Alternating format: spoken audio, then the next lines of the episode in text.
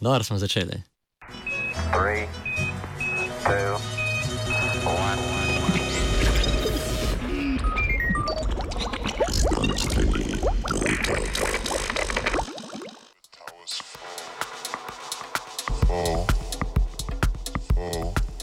Ljudem je že dolgo znano, da med ceno nekega produkta in njegovo kvaliteto obstaja bolj ali manj močna pozitivna korelacija. Slednja je v primeru avtomobilov in pršuta morda res očitna, vendar marsikoga preseneti, ko mu povemo, da velja tudi za placebo. Nemški znanstveniki pa so nedavno šli še korak dlje in povezavo med ceno in učinkom produkta pokazali tudi v primeru placebovega temnega brata, noceba.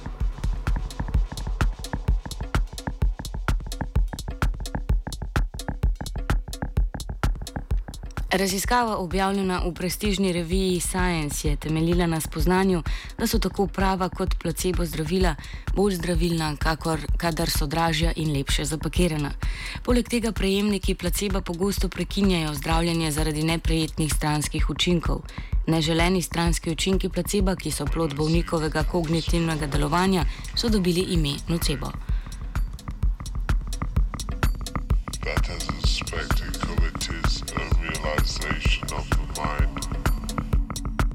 V raziskavi so znanstveniki obravnavali dve skupini ljudi. Prva je prejela cenejšo obliko testnega placebo zdravila, zapakiranega v ceneni oranžni škatlici, medtem ko je druga skupina prejela isto placebo zdravilo v prestižni modri škatlici. V tretji, kontrolni škatlici, je bila tako kot v drugih dveh povsem navadna krema, brez kakršnih koli dodatkov. There's no point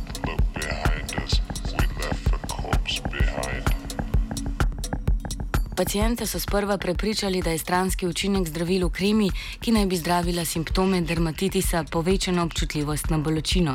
Pol ure po nanosu kontrolne in testne kreme so predstavnikom obeh skupin na mestih izpostavljenih kontrolni in testni kremi s toplotnim virom povzročili bolečino.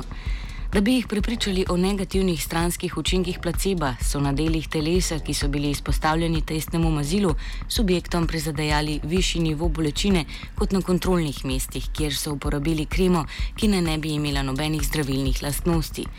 Obe skupini sta poročali o povišenem zaznavanju bolečine na testnih mestih.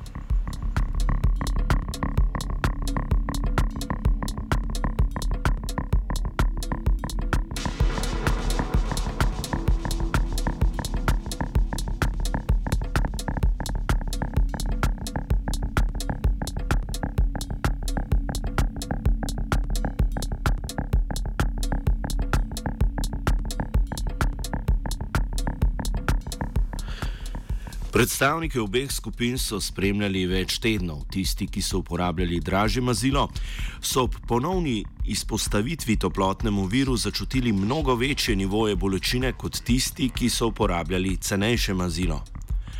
Znanstveniki pa so medtem z magnetno resonanco opazovali tudi Madonna tudi odzive možganskih centrov, ki se ukvarjajo z dojemanjem bolečine. Slednji so bili ob izpostavitvi toplotnemu viru mnogo bolj aktivni pri osebkih, ki so uporabljali drago kremo, kot pri tistih, ki so uporabljali poceni kremo. Tiste, ki so uporabljali dražjo kremo, je dejansko bolj bolelo.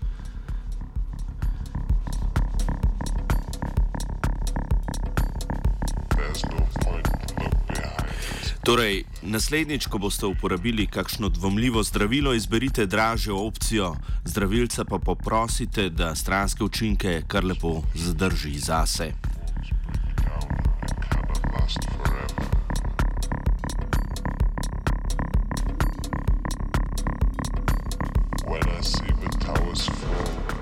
O bolečinah in financah je pisal Atila.